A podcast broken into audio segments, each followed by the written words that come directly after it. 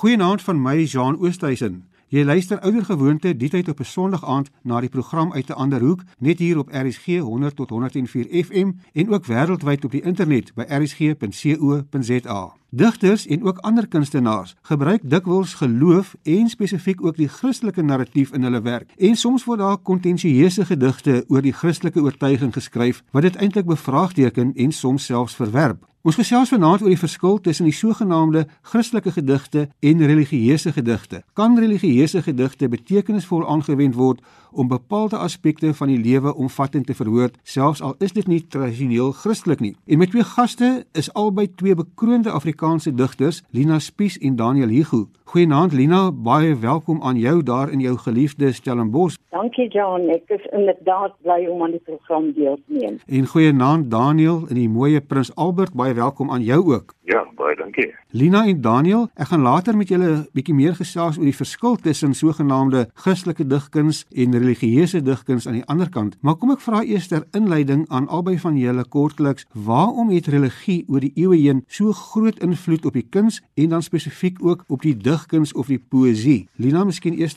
van jou kant af?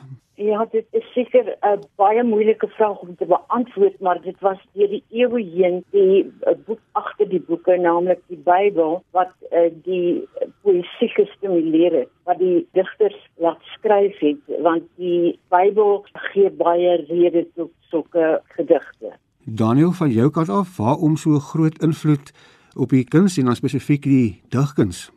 Ja, ek kan maar net praat wat die westerse wêreld betref. Kyk, vir eeue lank was die wêreldbeeld van die mens bepaal deur die kerk, die Rooms-Katolieke Kerk. Niemand kon eintlik daar buite dink of waag om daar buite iets te sê of te, te publiseer wat nie klop met die kerk se dogma nie. En die kerk was ook dikwels die grootste werkgewer van kunstenaars, nie net van beeldende kunstenaars nie, maar ook van skrywers gewees. Jy het maar die woord gespreek van die een wat jou brood verskaf op daardie manier was daar nou vir eeue lank baie noue verband tussen die kunste en die kerk en dan veral die Christelike godsdiens. Miskien moet ons net eers die verwarring uit die weg ruim tussen die sogenaamde Christelike digkuns dan aan die een kant en religieuse digkuns want dit is nie dieselfde nie en ek weet daar was ook al sterk en groot polemieke daaroor in die verlede waarby ook julle betrokke was. Lina, wat is volgens jou die onderskeid dan tussen Christelike digkuns aan die een kant en religieuse digkuns aan die ander kant? Ek dink ek kan dit beantwoord deur na my mentor Die Opperman te verwys. En hy wat my bewus gemaak het van die beeldende vers wat beter is as die bewerende belydende vers. En ek dink dat die werklike groot digters wat uit die Bybel het dit sit uit die taal van die Ou Testament en dat dit dikwels nie eers spesifiek oor godsdienstsiening gaan nie. Dit is my die kort en mees saaklike antwoord wat ek kan gee. Daniel, die Afrikaanse digkuns is ook deurtrek met die religieuse en ons is nou nou daarna ook verwys in die inleiding en veral dan ook die Christelike religieuse, maar wat is vir jou die verskil tussen Christelike digkuns aan die een kant en religieuse poësie aan die ander kant? Ja, kyk, die eh, religie verwys altyd na godsdiens. In Afrikaans kry ons religieuse digters uit ten minste 3 denominasies, die Rooms-Katolieke Kerk, naamlik iemand soos Sheila Cousins of Bonaventure Henwood, wat ook geskryf het onder die naam Hewitt Visser. Dan natuurlik uit die protestantse Christelike tradisie, mense soos Dosius en E.L. de Villiers, die Gilo, en dan natuurlik ook uit die uh, Judaïsme, uit die Joodse geloof, iemand soos Olga Kiefs. So dit is almal mense wat binne 'n sekere godsdienstige denominasie tuis te bring is. Maar daar's ook mense wat skryf oor God wat nie in 'n kerk behoort nie wat selfs nie eens gelowig is nie. Eh, ek weet nie of mense hulle religieuse digters kan noem nie. Miskien moet jy hulle eerder iets noem soos geestelike digters of metafisiese digters of iets in die trant. Lina Daniel het ook nou verwys na Olga Kiers. Sou mens dan met ander woorde kon sê die term religieus is meer inklusief met verwysing ook na ander nie-Christelike gelowe soos byvoorbeeld die Joodse geloof terwyl Christelike digkuns is meer spesifiek en slegs ingestel op die tradisioneel Christelike geloof. Uh, ja natuurlik, maar dan is Olga 'n baie interessante persoon en Daniel het haar ook ontmoet en baie van haar gehou. Kyk, haar gedigte is dikwels religieus, maar baie selde 'n belydenis van Judaïsme. Dit is net dat Jesus nêrens 'n rol speel in haar uh, werk nie en haar dogter weet ontken dat sy die godsdienst vir enigiets anders gebruik het as om beelde daaroor te skryf. En uh, dit stem ek glad nie met haar dogter saam nie. Olga Kirsch uh, was volgens haar dogter uh, het sy die uh, godsdienst net gebruik as 'n uh, beeldmiddel in haar verse, maar so ver wil ek uh, nie gaan nie. Ek het trouens langs haar gesit toe die taalmonument ingewy is. Het ek langs Olga Kirsch gesit. Olga het baie innig gereageer die gebed van destyds Dominikus Gericke. So sy het tog 'n sintuig vir die religieuse baie sterk gehad en dit kom ook tot uitdrukking in haar werk. Kyk, eh, mens kan natuurlik die Bybel gebruik as bronmateriaal vir jou gedigte sonder dat jy gelowig is. Jy sou dan dit sou die geval kon wees met Kirsch, maar ek is nie seker nie, net soos Lina en miskien ook iemand soos Elisabeth Eybers wat heelwat gedigte geskryf het oor Bybelse figure, maar ons weet dat hy was nie gelowig nie selfs al was 'n paar predikant. Ek wil aansluit daar by jou en jy het dit al genoem, want daar is talle gedigte wat oor die Christelike geloof handel wat nie deur gelowiges geskryf word nie en jy self beskou jouself ook nie as 'n gelowige nie, maar baie mense sal nou vra maar moet 'n mens dan nie 'n Christen of 'n gelowige wees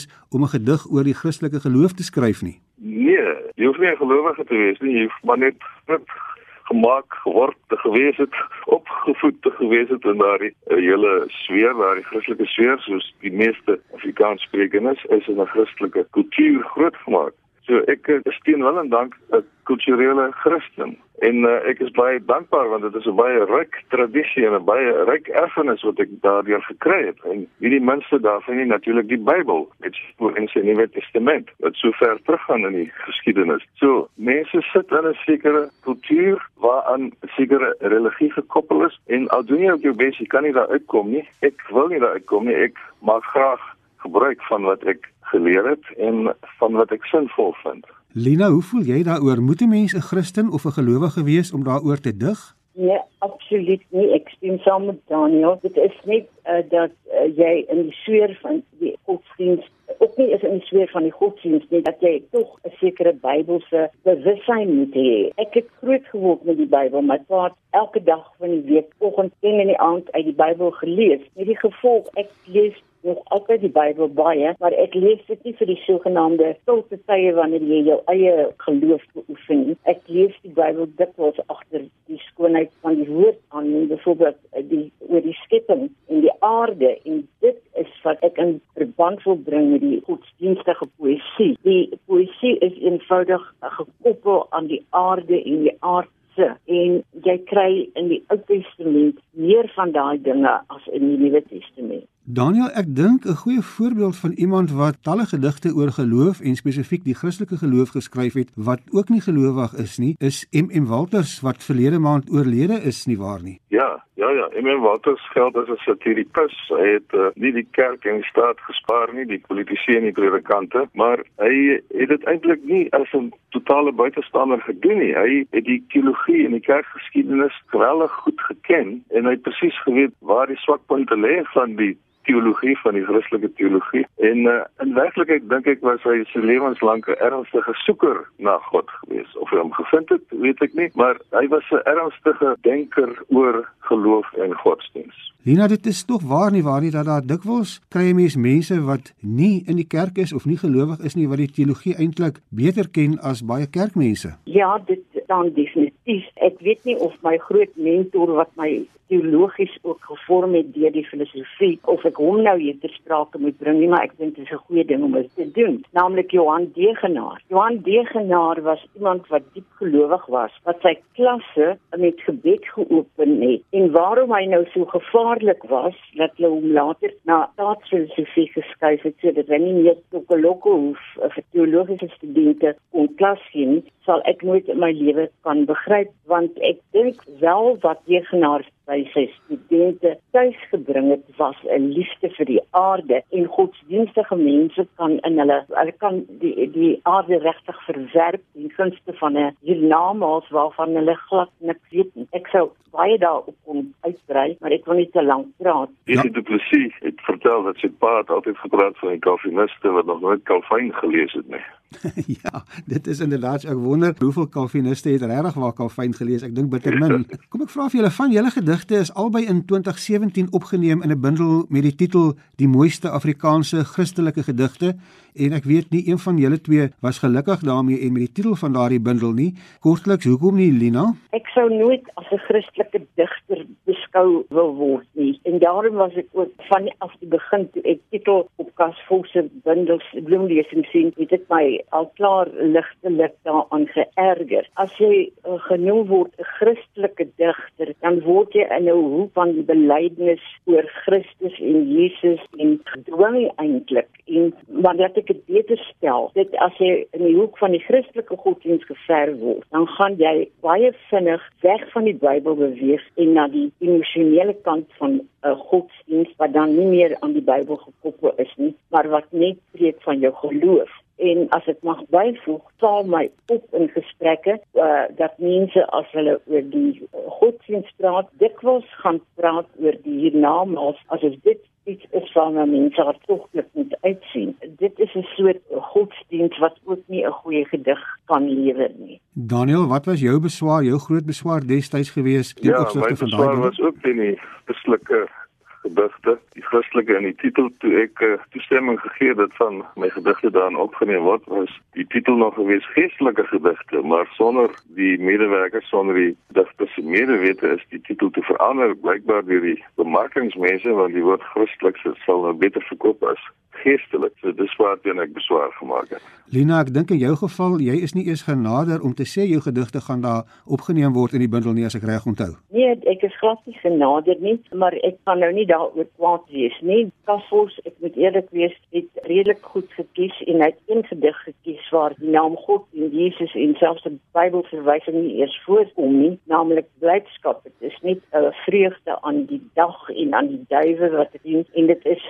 glad nie uh, op enige manier eksplisiet godsdienstig nie. En ek wil ook nie eksplisiet godsdienstig skryf nie. Jy luister na die program uit 'n ander hoek saam met my Jean Oosthuizen en my twee gaste vanaand is die digters Lina Spies en Daniel Hugo. Ons gesels oor die invloed van religie op poësie en die verskil tussen sogenaamde Christelike poësie en religieuse poësie. As ek so na julle luister in die eerste helfte Daniel, dan klink dit vir my byna of die term Christelike gedigte amper iets is soos gospelmusiek en nie alle geestelike musiek is gospelmusiek nie. Iemand byvoorbeeld soos Leonard Cohen se musiek gaan in baie gevalle ook oor geloofskwessies, maar dis beslis nie gospelmusiek nie. Is dit min of meer 'n billike vergelyking wat ek nou maak of slaan ek die bal mis? Nee, ek dink daar is baie ernstige oortuigde Christene wat baie goeie Christelike gedigte geskryf het wat ek nou nie met gospel musiek sou vergelyk nie, nie soos mense soos E.L. de Villiers en Wiggy Low en Sheila Cousins en N.P. van Wyk Low en Lena Spies. Wat is die sewe nie Christelike gedigte weet ek. ek skrap maar. Daar's oortuigde soos myself sê wedergebore Christene wat ernstige Christelike gedigte kon skryf wat nie ligsinnig is nie, wat nie meedoen aan die Jesus skuld is nie, die aanbidding van die kind wat 'n mens deesdae so oral vind nie. Lina, ek dink jy sal miskien daar saamstem met Daniel wat ek weet jy het ook 'n broertjie dood aan uh, as mens dit dan amper hierdie ligsinnige Jesus skuld is kan noem. Ek weet nie hoe moet mense dit beskryf nie. Ja, ek bring my uit by die Ou Testament. Ek voel dat die Nuwe Testament as mens luister na uitsendings op RSG en daai aandgedagte dat dit net een tema het almekaar dat ons op hierdie aarde is en niks hoef te doen nie want die losprys is betaal en dan kom daar 'n godsdienst tot uitding wat van 'n mens 'n baie passiewe wese maak. Jy hoef niks te doen nie. Jy hoef dus net te streef om goed te doen want jy's gered. En ek hou nie van daardie soort godsdienst nie en ek kom ook dink ek in my eie werk indirek kom dit ook tot uitdrukking. Malina, jou gedig laat die kindertjies na my toe kom, gaan eintlik ook oor geweld teen kinders oor die eeue heen en is baie wyeer as Jesus se woorde nie waar nie. So mense kan dit ook ja. nie 'n Christelike gedig noem nie, is ek reg? Ja, ek sou dit nog altyd nie 'n Christelike gedig sien nie want dit gaan oor die lyding van kinders en ek dink die groot stimulus agter daai gedig is eintlik die Ou Testament en die Joodse godsdienst. Ek sal nie oorgaan na die Joodse godsdienst nie, maar ek het geweldige respek vir die Ou Testament en ek het diep beïnvloed deur die Holocaust om verskeie redes mense weet dit al. Maar wat ek wil sê is die inspirasie was in daardie geval en dis 'n baie bekende foto wat jy uit die Shoah uit die Holocaust sien van die sien die oh dit is vreeslik om dit te sien wat met sy armpies in die lug staan voor die twee nasies wat 'n geweer op hom rig Daniel, jou gedig Naghemel, ek dink uit die bundel verse van ongeloof, se eerste versreël lui: God se sinkdak is vol skroefgate waardeur die sterlig drup, maar die God waarna jy verwys is nie die Christelike skepper nie. Ek wonder wil jy nie vir ons daardie gedig van jou voorlees en dan sê wat bedoel jy in daardie gedig met die woord God nie, ook nogal ja. met 'n hoofletter gespel? Ja, is met 'n hoofletter geskrywe. God se sinkdak is vol skroefgate waardeur die sterlig drup. Beangs soek ons betekenis en sisteem in die groot wervelstorm van lig en duisternis wat ver buite ons gesigsveld oorverdowend voortwoed. Soms word ons wel gegun 'n druppel van begrip. Nou uh, is vir my 'n metafoor eintlik. En uh, is vir my 'n metafoor vir dit waarna die wetenskap en die filosofie streef. Die wetenskap streef daarna om te bepaal hoe het ons heelal tot stand gekom, hoe het ons aarde tot stand gekom wat uiteindelik gelei het tot die ontstaan van die mens en die filosofie probeer bepaal wat is die sin van ons bestaan hier op aarde. En uh, vir my is die eindpunt van daardie soektog as dit ooit bereik gaan word is God. God is die groot waarheid. God is die kennis waarna ons smag. God is die sin waarna ons soek. En so God is in my gedigte meen ek 'n metafoor. Lina, jy wil ook nie in 'n hoek vasgever word as 'n sogenaamde Christelike digter nie, maar tog is die Bybel en Jesus en God 'n baie belangrike deel van jou poësie. Waar kom jou liefde vir die Bybel en religie vandaan?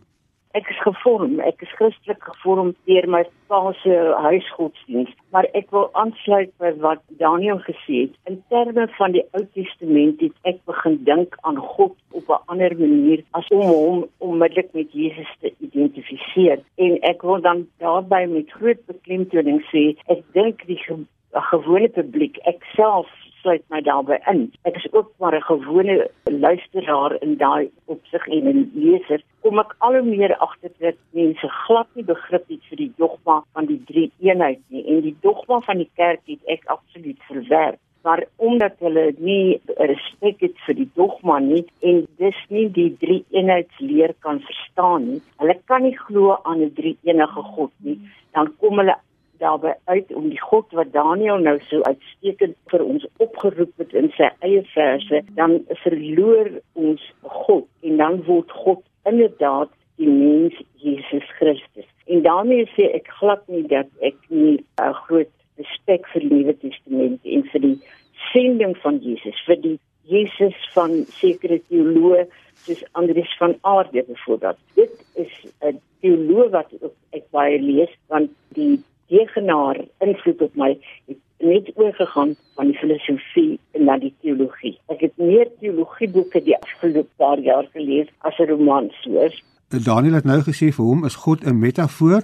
Jy het nou verwys ook na die drie eenigheid. Verstaan jy die drie eenigheid en is God vir jou ook meer 'n metafoor of is dit meer vir jou 'n persoonlike wese iewers daarbo? Nee, dit is definitief nie vir my 'n wese erns daarbo nie. Dit is vir my die God van die Ou Testament het hom wel ook konkreet kenbaar gemaak. Ek kan nie my geloof daar beter formuleer nie want dit is moeilik as om net te sê Ek is jammer ons het die God van die Ou Testament verloor, want die Ou Testamentiese God gee vir jou 'n wêreld. As jy dink aan die skepingsverhaal dat alles wat uh, God skep, sien hy. En dit is en, en hy gee aan die diere dieselfde uh, drag as aan die mens, dan kan jy nie anders as om te besef dat hierdie God beeld wat ek het of laat ek liewer sê ek kan nie anders as om my godsbeeld wel duidelik te verbind met die God van die Ou Testament nie. En ek het dit al gesê maar ek herhaal dit maar. Ek wil nie tot die Judaïsme oorgaan nie. Daniel as 'n skrywer, digter en vertaler, hoe sien jy die literatuur in die Bybel en dan ook gedigte soos Psalms as iemand wat homself nie as 'n gelowige beskou nie? En wat is die waarde daarvan vir jou? Bybel, die Ou en die Nuwe Testament is natuurlik die grondslag van ons westerse beskawing. Dit is die grondteks van ons beskawing. En vir iemand wat uh, grootgemaak is in so 'n Christelike kultuur, is die Bybel uiteraard ook 'n baie belangrike boek vir 'n skrywer en vir 'n digter nog soveel meer, want die Bybel is nie net 'n geskiedenisboek nie, is net 'n boek met preke in nie, met weerstellings in nie. Dit is ook 'n stuk literatuur. Daar's fantastiese literêre tekste in die Bybel soos die Psalms natuurlik. En met die Afrikaanse vertaling van die Bybel in 1933 het al daardie Bybelse beelde en idiome en taalgebruik deel geword van standaard Afrikaans, die taal waarin die meeste mense vandag nog skryf. Die Bybelse taal, die idiome, die beeldspraak veral sedert 1933 toe die Bybel in Afrikaans vertaal is. En die meeste skrywers vandag nog skryf in standaard Afrikaans noodwendig ernstig en diepgaande beïnvloed deur die Bybeltaal. Selfs 'n digter wat homself 'n Zen Boeddhist noem, Weidenbach, se gedigte sit vol Bybelse taal en verwysings na die Bybel. Kan jy daarvan loskom nie en dit is 'n ryke erfenis wat 'n digter met groot dankbaarheid kan gebruik. Lina van jou gedigte spreek ook sterk kritiek uit op sekere van die bestaande dogmas en daar is meer van jou gedigte maar ek dink aan veral twee van jou gedigte naamlik Ondaan wat gaan oor Maria en wat Maria heeltemal in 'n ander lig plaas as wat baie gelowiges sal sien en selfs vir Jesus. En dan is daar ook 'n gedig van jou oor 'n geloofsbelijdenis waar jy jou eie geloofsbelijdenis geskryf het wat eintlik amper kan ek sê half naas die kerk se algemene geloofsbelijdenis staan Wil jy dit nie vir ons lees nie? Uh, ja, ek sal dit met groot graag lees want dit sal meer sê as enige iets wat ek nou vir jou verder kan op ingaan. Die geloofsbelijdenis, dit is al die teoloog van die kansel af gebruik. Ek glo in die skepende God van die wordende heelal.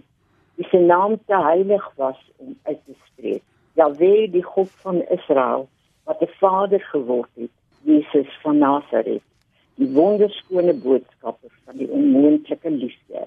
Deur wie God my Vader maar ook my moeder is. Ek glo in die Heilige Gees wat mense in alle tye inspireer werke wat die stempel dra van die ewige. Ek glo dat omdat ek lewe, ek aan alle lewende sorg en deernis skuldig is en ek glo dat as ek sterf, ek opgeneem sal word in die durende siklus van vernuwing en verval en dat die lewe triomfeer in elke geboortekreet omdat die lewe magtiger is as die dood. Dit lyk vir my as 'n mens oor hierdie goeie gesels ons tyd is feitelik verstreke dan hang dit baie af van 'n mens se godsbegrip en ons moet afsluit en uh, Daniel miskien wil ek hê jy moet vir ons afsluit want dit lyk vir my en jy het ook daarna verwys dat dit eintlik onmoontlik is om weg te breek van 'n mens se godsdiensparadigma maar jy het ook 'n gedig geskryf onteologies. En uh, ek wil graag hê jy moet miskien daarmee vir ons afsluit want ek dink dit som dalk uh, tot 'n groot mate ons gesprek vanaand op. Ja, ja, dankie Jan. Ja, die ongelowige kan maar net praat in die taal van die geloof terwyl hy die geloof probeer ontken of uh, verwerp. En dit is die groot dilemma wat 'n mens jou eintlik bevind en op, op die einde is die enigste manier om dan oor hierdie sake te praat is die ironie is eintlik die die finale ontkenning, so dink ek. Onteologies. Maar die ongeloof bestaan by grasie van troebelterme uit die teologie. Dit is nie meer weg te redeneer nie, selfs deur die ongeruimde dubbele nie. As u verbaas lees in die poesie van die hel en die hemel, moet dan nie dink God weet hy weerspreek homself nie. Die ontkenning lê in die ironie. Baie dankie hieroor sou ons sommer nog baie lank kon gesels maar ongelukkig is die tyd nou verstreke. Baie baie dankie aan my gaste, albei twee bekroonde Afrikaanse digters, die digter Lina Spies en digter, vertaler en skrywer Daniel Hugo. Baie dankie vir julle deelname vanaand. Dit was 'n voorreg om met julle te gesels. As jy jou mening wil gee, kan jy vir ons 'n SMS stuur na die ateljee by 45889 teen R1.50 per SMS of besoek ons Facebookblad uit 'n ander hoek en gesels daar saam. Jy kan ook vir my 'n e-pos stuur na jean@oosthuizen.co.za@gmail.com. Onthou al die programme kan ook as 'n potgooi afgelaai word op RSG se webwerf. Van my Jean Oosthuizen, totsiens tot volgende week, dieselfde tyd weer net hier op RSG wanneer ons weer uit 'n ander hoek gesels. Goeienaand en geniet die res van jou aand in RSG se geselskap.